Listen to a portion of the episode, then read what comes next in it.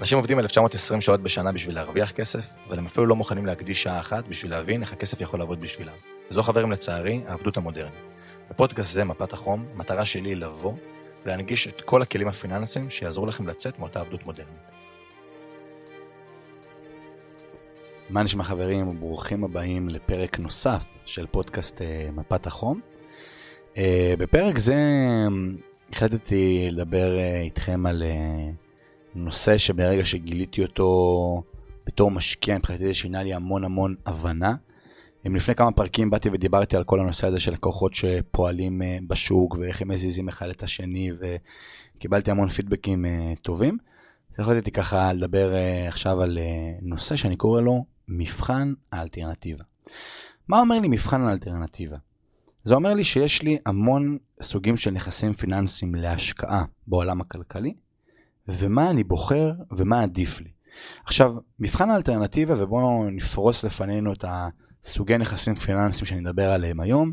אני אבוא ואני אסביר איך אני בודק את מבחן האלטרנטיבה, ובסוף מה האפיק שהכי כדאי לי בתור גיא, אבל איך כל משקיע צריך לבוא ולהסתכל על זה. מבחן אלטרנטיבה, מה שנקרא, כמו שהוא נקרא, מה האלטרנטיבות אה, הפיננסיות שלי. אז יש את התחום האלטרנטיבי, שזה כל, בהגדרה שלו המקצועית, זה כל מה שלא מושקע אה, בשוק ההון, קריפטו, נכסים דיגיטליים, גם נדל"ן. אבל נדל"ן אני מוציא ואני שם שנייה בצד. מתחתיו, ואני הולך את זה לפי רמת הסיכון הכי גבוהה, והכי נמוכה, אני גם אסביר ואפרט על כל אה, נכס ונכס.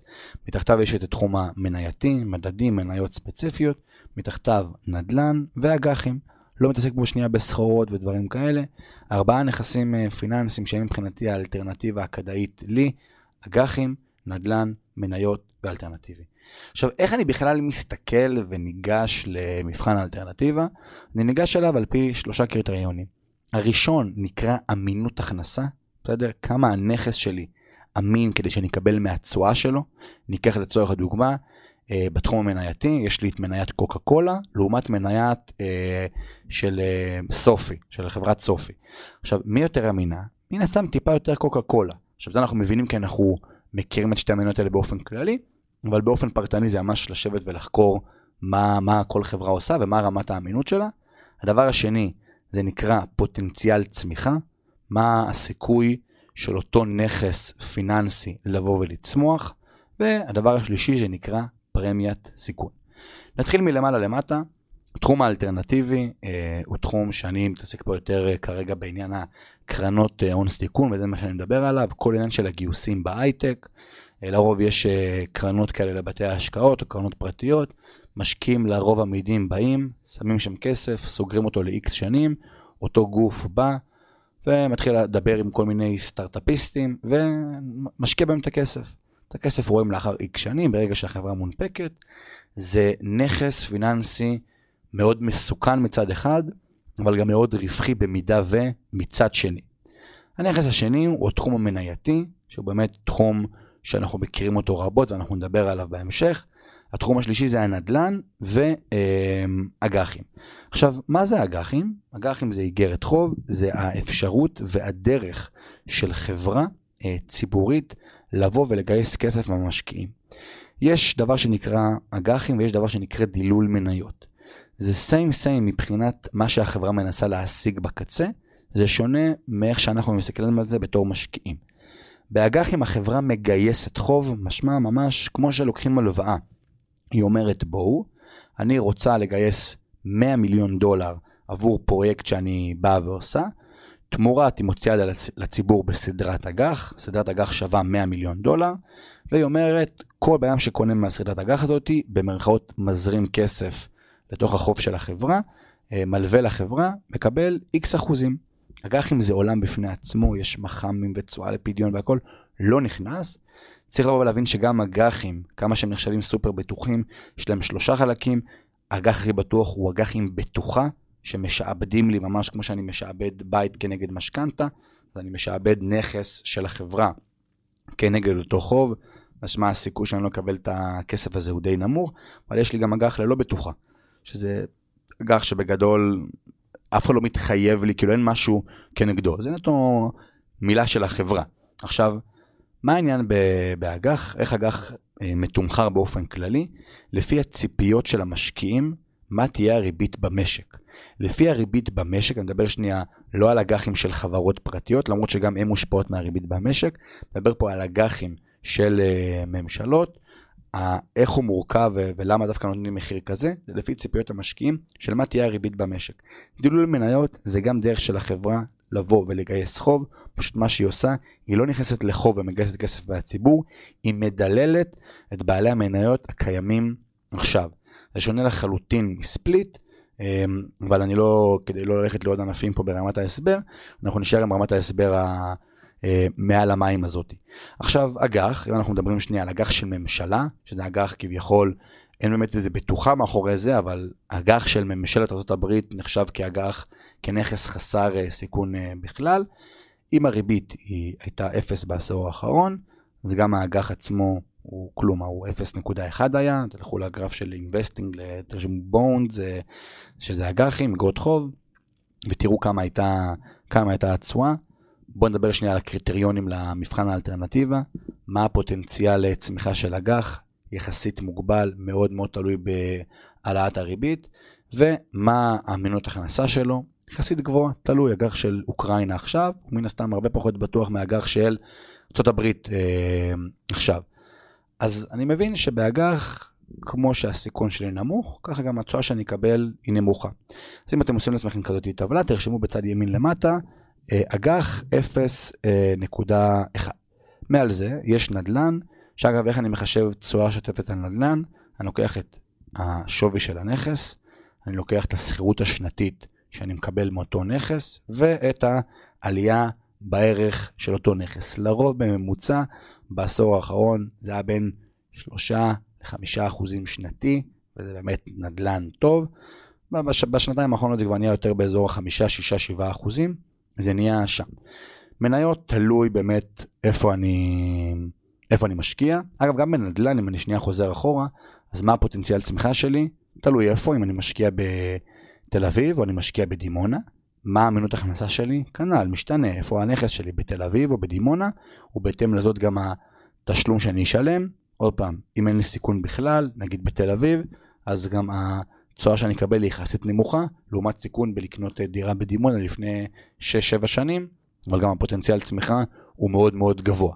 במניות, תלוי במה אני משקיע, אני משקיע בוולמארט, קוקה קולה, שאני משקיע במייקרוסופט ובאפל, אז גם שם הפוטנציאל צמיחה ואמינות הכנסה הוא טיפה שונה. עכשיו, אם אני משקיע, אני מבין שתחום המנייתי, אני שנייה שם את האלטרנטיבי בצד, אני מבין שהתחום של המניות הוא התחום הכי מסוכן מצד אחד, אבל לאורך ההיסטוריה נוכחנו לדעת ולגלות שהוא גם התחום הכי רווחי מהצד השני. ובעשור האחרון הייתי מקבל תשואה ממוצעת במניות בין 9 ל-11 אחוזים בממוצע, קחו את הגרף של S&P 500, לא מה קופות גמל עושות, אלא את המדד עצמו ותראו מה הוא עשה. בנדל"ן הייתי מקבל 5%, ובאג"ח הייתי מקבל 0.1. מה הפרמיית סיכון שלי הייתה ומה זה פרמיית סיכון? זה הדלתא, זה ההפרש בין נכס פיננסי אחד לנכס פיננסי אחר. מה זה אומר במילים יותר פשוטות? אם אני משקיע היום במניות, אני רוצה לקבל תשואה עודפת על השקעה באג"חים. כי אם האלטרנטיבה שלי היא נכס חסר סיכון, כמו אגרות חוב, אז אני רוצה שהתשואה שלי היא תהיה מאוד מאוד גבוהה. כי אם אני משקיע במניות, שזה נכס עם סיכון מאוד גבוה, אני רוצה שהתשואה שלי היא תהיה משמעותית בהתאם לאג"ח שיש לי. וזה באמת מה שהיה בעשור האחרון, ואנשים חיו לפי זה, שוק ההון עלה, כי פרמיית הסיכון שלי היא כביכול גבוהה, והרבה כסף הבינו שבאלטרנטיבה שלהם, ההשקעה במניות עדיפה. אבל בשנתיים האחרונות שהתחילו להיות העלאות הריבית, אז פתאום תשואות האג"ח, שאני מזכיר, אג"ח זה ציפיות ממשקיעים של מה תהיה הריבית במשק, עלו לאזור ה-4%, הנדל"ן גם טיפה עלה, ושוק ההון טיפה ירד. אם אנחנו נלך במספרים, אג"ח 4.5 בערך, תשואות האג"ח היום, אה, נדל"ן באזור ה-6%, וכבר שוק ההון בממוצע עושה לי באזור ה-8%. אם לפני שנתיים פרמיית הסיכון שלי בין מניות לבין אג"חים היה 10%, היום הוא כבר עומד יותר על 4 ו-3%. פתאום אני אומר לעצמי, על השקעה בנכס מסוכן מאוד, כמו מניות, בסדר? עכשיו זה לא מסוכן בקטע של זה, אלא הבנה ברמה של אין לי אה, כדאיות ואין לי ביטחון ברמת ההחזר הכספי שלי, אם אני משקיע במדדים זה משהו שונה, נדבר על מניות ספציפיות. אני היום, פעם הייתי מקבל 10%, אז הייתי מוכן לסבול את הסיכון הזה. היום, כשאני מקבל 4%, אני פתאום אומר לעצמי, שנייה, יכול להיות שזה כבר לא כזה כדאי לי, ואז הכסף לאט לאט מתחיל לזרום משוק המניות לשוק האג"ח. פתאום הכסף, כשאני אומר שוק האג"ח זה שוק הפקדונות, זה אנשים שלפני שנתיים היה להם איזה קופת גמל להשקעה מסלול מנייתי, לא סבלו את ההפסד, משכו, שמו באג"ח. בגלל שראו מה קורה לבן אדם, שלפני שנתיים פתח קופת גמל להשקעה, בשיא הקורונה, אין, היה בטוח שגילה את הנכס הכי טוב בחייו, פתאום הוא רואה מינוס עשרה אחוזים, ואז הבנק פתאום אומר לו, אח שלי היקר, פה, הפסדת בקופת גמל עשרה אחוזים, מה אתה צריך את זה? בוא תשים אצלנו שלושה וחצי אחוזים, תקבל פיקדון. אז בוא שניה נדבר פה על איך הבנקים מרוויחים כסף, ולמה הם עשו את כל מה שהם עשו בשנה האחרונה עם להעלות את הפקדונות, את הריבית על הפקדונות. הרי איך הבנק מרוויח כסף? בסוף מי שלא יודע מה תפקידו של הבנק בעולם, הבנק זה בסך הכל מתווך ביני, בין המלווה לבין הלווה. אם אני היום רוצה לקחת כסף, אני פונה למתווך שנקרא היום בנק, ובנק צריך לבוא ולתת לי כסף בדרך שונה מה שהוא עושה. אז איך הבנקים מביאים את הכסף הזה? בעשור האחרון פשוט היו או מנפיקים סדרות אג"ח, או היו פשוט משלמים על הפקדונות ריבית קצרת טווח. יש שתי סוגי אג"חים שצריך לבוא ולהכיר, אג"ח לשנתיים ואג"ח לעשר שנים. כשאני בא ונותן כסף לאיזשהו גוף מימוני מסוים, אני מקבל את הריבית שלי, את התשואה שלי, על פי אג"ח לשנתיים. שאמרנו, הוא לרוב יהיה נמוך, כי אג"ח זה ציפיות המשקיעים של מה תהיה הריבית במשק, ולרוב הריבית במשק לא גבוהה, הציפיות נמוכות, זה מה שהיה לפחות בעשור האחרון, לא יודע אם זה יהיה ככה גם בעתיד, אבל זה היה בעשור האחרון, אז הריבית הייתה 0.1. לכן היינו מקבלים על הפקדונות שלנו 0.1.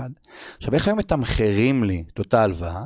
היו באים לוקחים את הכסף שבן אדם א' שם בבנק וקיבל על זה 0.1 היו נותנים את זה לי לגיא באג"ח לפי 10 שנים, היו מתמחרים לי את ההלוואה לפי אג"ח ל-10 שנים. עכשיו אם אג"ח זה ציפיות המשקיעים של מה תהיה הריבית במשק, ואין להם מושג מה תהיה הריבית במשק בעוד 10 שנים, כי אין גם צפי של הבנק המרכזי, הם לרוב ייתנו איזה פרמיית סיכון של אולי אם וכאשר. ואז הבנק היה פה ברווח תפעולי של באזור ה... 2.4 אחוז, מזכיר 0.1 זה מה שהוא משלם למי שהביא לו את הכסף, נגיד 2.5 זה מה שהוא מתמחר לי את ההלוואה. ברור שהוא מתמחר את זה הרבה יותר, פריימים ורמת סיכון וזה, זה רק ברמת התפעול שלו. הוא אומר וואלה סבבה, מבסוט, אין לי בכלל צורך באנשים, אין לי בכלל רצון לתת להם ריביות גבוהות, כי אני גם יכול לקנות אג"ח, להנפיק אג"ח, ויכול לעשות המון המון משחקים. אבל פתאום בשנה האחרונה נוצר דבר שנקרא היפוך עקום התשואה. יש לי את תשואת האג"ח לשנתיים ואת תשואת האג"ח לעשר שנים. עכשיו, תשואת האג"ח לשנתיים התחילה לאט לאט לבוא ולעלות. למה? כי אג"ח ציפיות המשקיעים של מה תהיה הריבית במשק, הריבית התחילה לאט לאט לבוא ולעלות, פתאום האג"ח לשנתיים כבר הגיע לאזור ה-4.5%. עכשיו, מה קורה לאג"ח לעשר שנים? יורד. כי אנשים באים ואומרים, טוב, אם היום הריבית במשק תהיה גבוהה, כנראה בעוד עשר שנים היא כבר תהיה נמוכה. כי כנראה היום יש את המשבר הכלכלי הזה שצריך בשביל זה להעלות את הריבית לצנן את האינפלציה.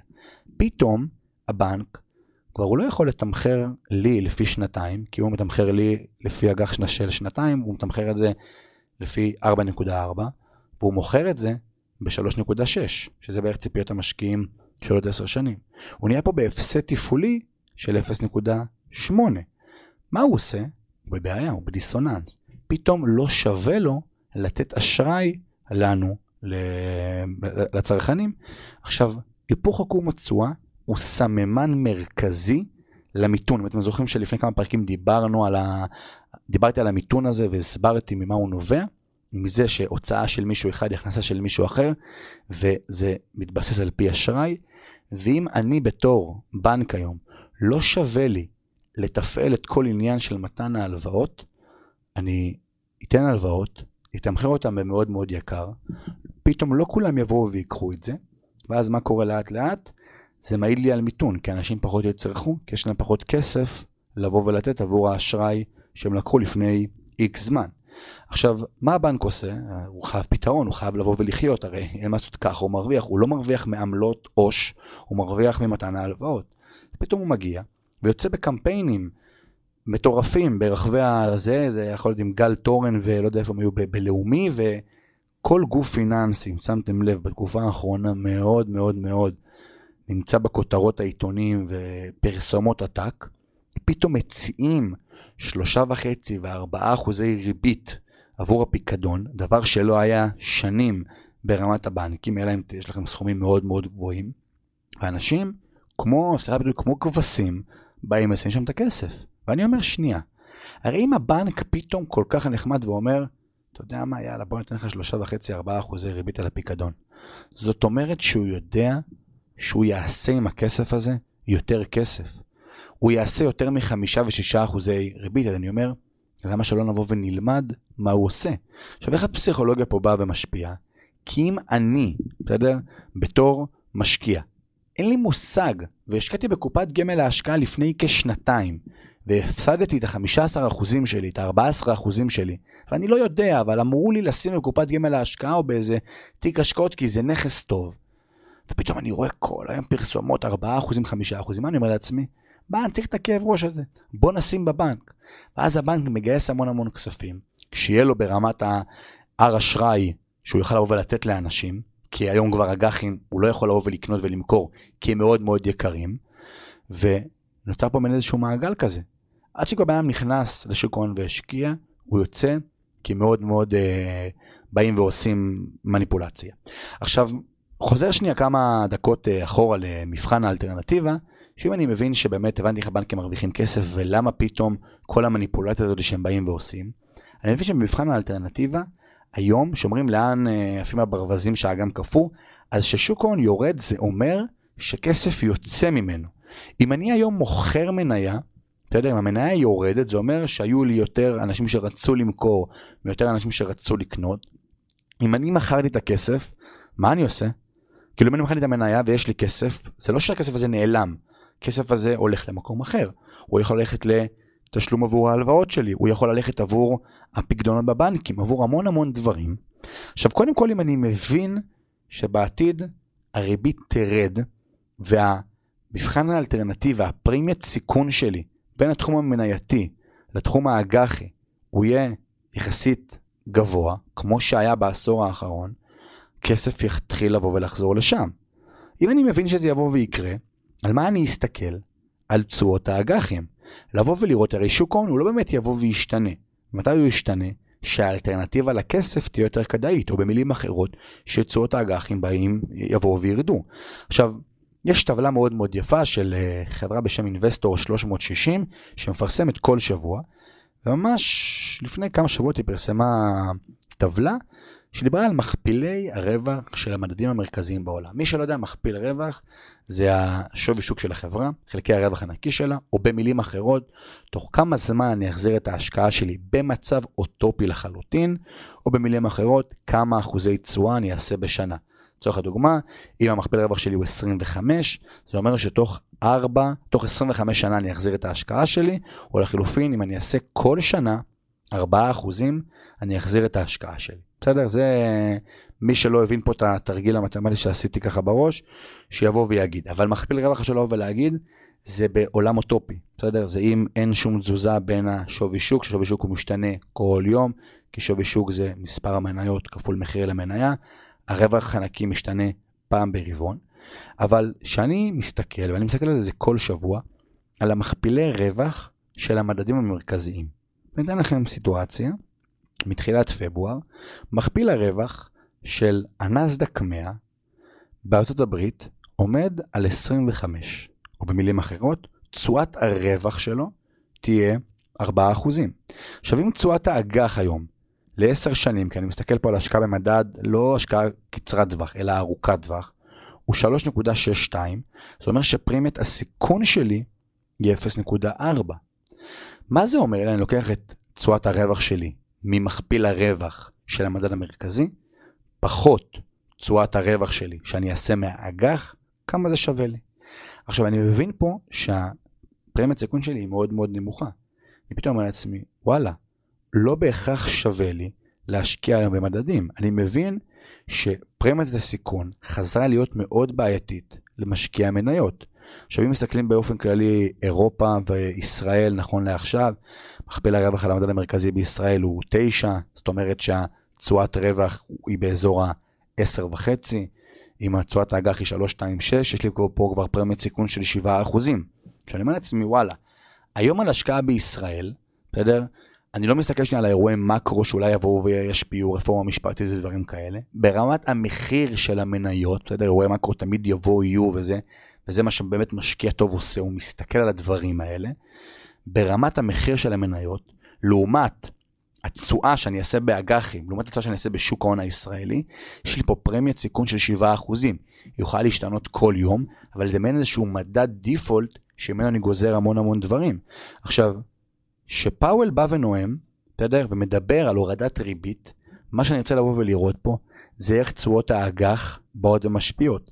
איך המרווח בין השנתיים לעשר שנים הולך ומצטמצם, איך אותו אה, היפוך עקום התשואה מתהפך לו מחדש, דבר שמעיד לי על כך שמתן האשראי בשוק נהיה יותר זול, אנשים ימשיכו לבוא ולצרוך, ואנשים יתחילו להזרים כסף משוק האג"ח לשוק המניות, כי הם מבינים שהאלטרנטיבה שלהם היא יותר טובה בשוק המניות.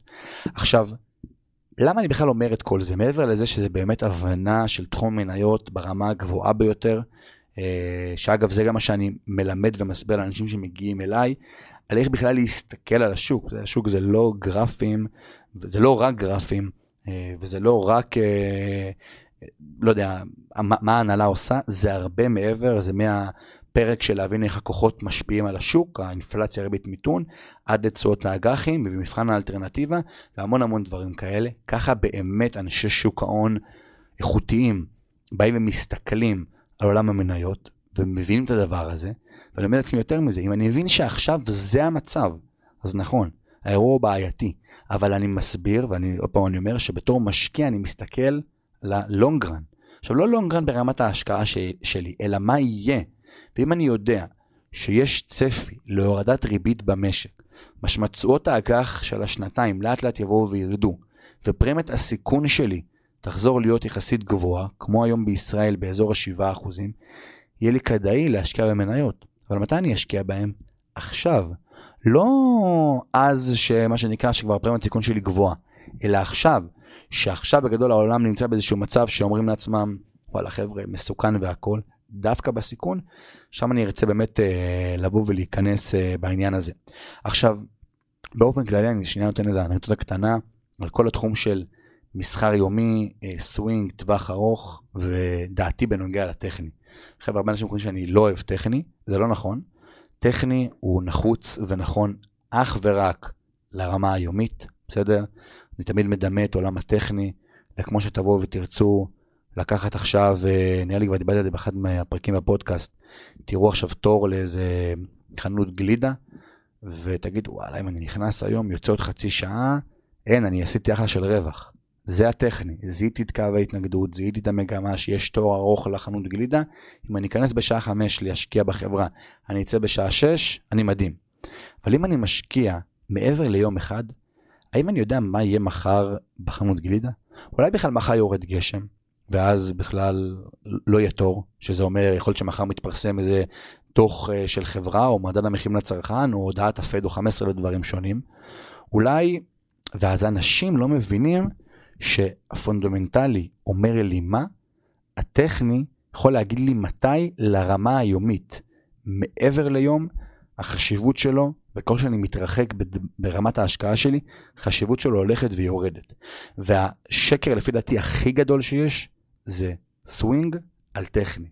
איך אפשר לעשות סווינג, בסדר? על טכני. אפשר לעשות את זה ברמה של שלושה ארבעה ימים. האורך רוח של הפוזיציה היא מאוד מאוד מוגבלת. אני לא באמת מבין מה אני עושה ולמה אני עושה את זה. אני בעצם זורם עם הכסף הטיפש, אבל כל, בשנייה הדבר הזה יכול לבוא ולהתהפך אליי, כי אני לא מבין. אבל ברגע שאני אתחיל לבוא ולהבין את הכוחות שפועלים מאחורי המשק, מה הפרמיית סיכון שלי, הרי בסוף מי שבאמת מזיז את השוק, זה לא אני וזה לא אתם. זה הכוחות שבאמת מנהלים הרבה כספים. אז למה שלא נבין איך הם חושבים, איך הם מסתכלים, ובדיוק כל הדברים האלה. מה זה אומר בכלל האינפלציה, ריבית, מיתון שדיברנו עליהם לפני כמה פרקים? מה זה אומר לי בכלל פרמיית הסיכון, מבחן האלטרנטיבה, תשואות האג"חים, דילול מניות, פרמיית סיכון, כל המושגים האלה. בוא נבין באמת, ואז ההגעה למניה בקצה זה משהו שהוא, נקרא לזה מאוד מאוד קל, כן? זה לא איזה תרחיש אה, מאוד מאוד אה, קשה. עכשיו, כשמסתכלים על זה, גם מבינים מה היה, גם מבינים בגדול מה יהיה. אה, וזה ככה היה לי חשוב לבוא ולדבר איתכם היום, בעיקר על מבחן האלטרנטיבה, שתבינו איך הבנקים מרוויחים כסף, שתבינו מה המניפולציות שאותם גופים פיננסיים גדולים מפעילים עלינו, בין אם זה ברמת השיווק והפרסום, עד לרמת ההצעות שהם מציעים לנו כדי לבוא ולקבל uh, את הכסף שלנו, כי אין להם אלטרנטיבה אחרת, ואיך אנחנו יכולים להיות יותר uh, חכמים uh, מהדבר הזה. Uh, אז זהו חברים, היה לי כיף לדבר איתכם uh, גם היום. אנחנו ניפגש בשבוע הבא, באותו יום, באותה שעה. שיהיה לכם המשך שבוע מקסים.